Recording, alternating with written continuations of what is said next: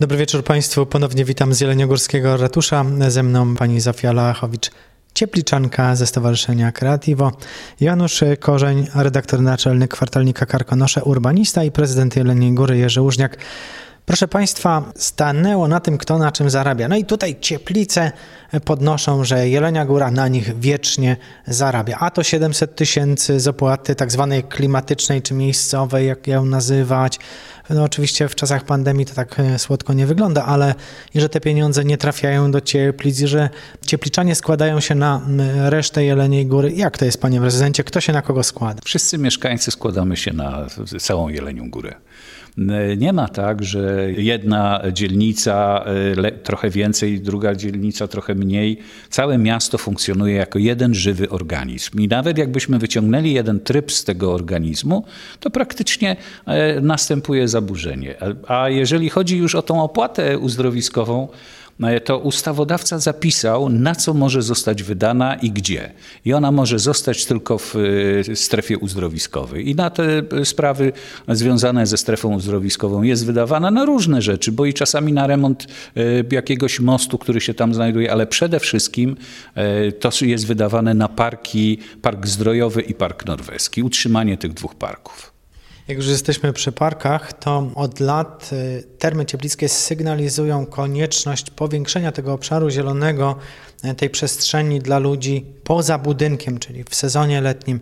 To się da tam zrobić? Tak, y, termy cieplickie bodajże trzy lata temu dostały od miasta portem budynek po dawnym przedszkolu, gdzie jest projekt rozbudowy term o, o część tą spa i część związaną z wellness i y, baseny zewnętrzne i wewnętrzne, tylko biorąc pod uwagę teraz y, ponad półtora roku, no rok e, pandemii, praktycznie wszystkie inwestycje zostały przez termy wstrzymane z tego względu, że termy są zamknięte cały czas. E, z krótkimi przerwami. Tak, no z krótkimi przerwami, ale praktycznie za zeszły rok to straty ponoszą, co jest dla tego obiektu bardzo trudnym momentem, bo e, to były jedne z nielicznych term, które przynosiły zyski. Biorąc pod uwagę ilość odwiedzających, to w, stosunku do założeń to wzrost był prawie stuprocentowy. Zakładaliśmy, że będzie w granicach około 190 tysięcy studium wykonalności, że tyle osób e, rocznie będzie odwiedzało termy, a odwiedzało prawie 340 tysięcy. Także no jest to duża strata dla... Jednej rzeczy tam się nie doczekałem, tej kładki od ulicy prosto do, do term. To jednak prawie na wysokości przystanku, nie trudno, technicznie chyba też niezbyt skomplikowane. Bardzo trudno, właśnie technicznie bardzo trudno. Biorąc pod uwagę teraz te wszystkie obostrzenia, które wody polskie nakładają, biorąc pod uwagę, że to musi też spełniać e, dla e, e, osób niepełnosprawnych wymagania, to ta, ta kładka kosztowałaby w granicy około 3 milionów złotych z bardzo długim najazdem na nią. Różnica poziomów, bo... Z najazdami już biorąc, mieliśmy niedawno. biorąc pod uwagę, biorąc pod uwagę wody tysiącletnie, bo już teraz e, wody polskie nie biorą pod uwagę wód stuletnich, tylko tysiącletnie, trzeba by było ją podnieść ponad mur e, i, i w tym momencie ta kładka już by nie wyglądała tak jak ta kładka, która jest e, bezpośrednio do PM Poland. Nie ukrywam, że miałem cichą nadzieję, że uda nam się pozyskać gencjanę. Tam jest taka właśnie kładka, którą można by było z tej strony od ulicy Wolności dostać się e, do term. Ewidentnie potrzeba jest, oczywiście 3 miliony złotych to jest bardzo, bardzo dużo za zwyczajną kładkę, ale termy cieplickie dowodzą, że cieplice, panie prezydencie, mają potencjał i że jeleniogórzanie nie tylko przyjezdni z daleka chcą tam przyjeżdżać, chcą tam być. Oczywiście te parki, oczywiście klimat miejsca, no być może ruszy z powrotem budynek, e, pawilon norweski. Z tego co wiem, to już jest na ukończeniu. Cały czas mamy też nadzieję, że ruszy ten teren pod wałami. Tam jest około 7 hektarów, które są w rękach e, prywatnych od właściwie bodajże 2001 bądź 2002 roku. Cały czas są różnego rodzaju założenia, że tam powstanie właśnie taki, e, takie drugie centrum centrum uzdrowiskowe. Nie ukrywam, że to by było też dla Cieplic bardzo dużym takim impulsem do rozwoju.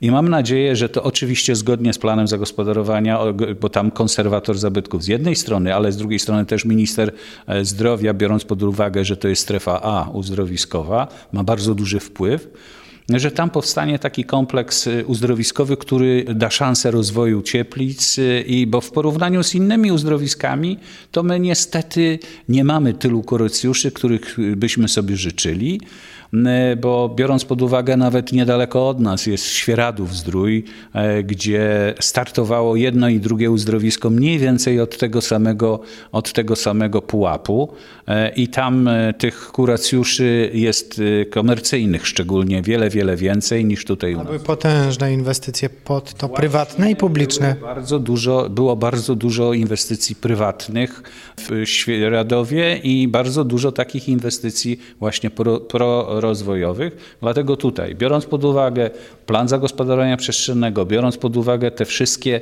uwarunkowania, jakie są i z planem, i z konserwatorem zabytków, i z Ministerstwem Zdrowia, taki obiekt, który by e, dał szansę i dał e, ten impuls dla rozwoju cieplic, jest nam potrzebny. W wieczorze z Radiem Wrocław pytamy, jakie cieplice powinny być, co trzeba tam zatrzymać, a co zrobić, pani Zofia Lachowicz. To wszystko, o czym mówił prezydent, to w dużej mierze dla jeleniogórzan, dla przyjezdnych, a dla ciepliczan? Przyznaję rację panu prezydentowi w tym wypadku. Rozwój uzdrowiska dalszy również przyniesie wymierne korzyści mieszkańcom Cieplic. No to jest logiczne przecież, prawda? Były też takie oczekiwania, historie, że tam powstanie, czy powinna powstać duża atrakcja turystyczna, która przyciągnie E, turystów, przyciągnie masowego turystę, potrzebna jest? No, chcielibyśmy, żeby masowy turysta do nas przyjechał, ale bądźmy realistami. Mamy Szklarską Porębę, mamy Karpacz, tam bardzo wiele, wielu turystów przyjeżdża. Cieplice moim zdaniem powinny jednak się skoncentrować na tej działalności uzdrowiskowej.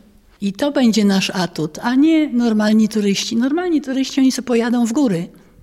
Pan prezydent e, Jerzy Łużniak, już podchodzę. Mamy takie badania, które uzyskaliśmy od operatorów.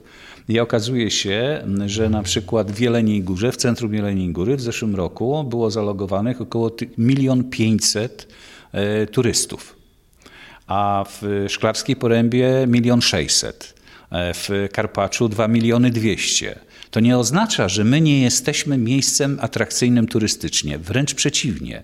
I tutaj się z Panią w zupełności zgadzam, że my powinniśmy postawić w Cieplicach na tą nogę uzdrowiskową. Turystyka uzdrowiskowa, tylko ta turystyka uzdrowiskowa y, jeszcze bardziej rozbudowana, nie oparta tylko na samym uzdrowisku Cieplice, na przedsiębiorstwie ale w dużej mierze też na, inwestora, na inwestorach prywatnych i tutaj tak jak rozmawialiśmy, ten teren pod wałami, to jest duży magnes, to jest 7 hektarów, na 7 hektarach jak się ładnie wkomponuje, bo to musi być dobrze wkomponowane, to nie może być architektura, która zaburzy e, układ urbanistyczny Cieplic, to naprawdę będziemy atrakcyjnym e, takim miejscem, gdzie myślę, że e, i, i z Karpacza i z, ze, ze Szklarskiej Poręby i Świeradowe będą chcieli przyjechać tutaj do nas, do Jeleniej Góry, do Cieplic. Po co mają przyjechać? O tym za chwilę w wieczorze z Radiem Wrocław.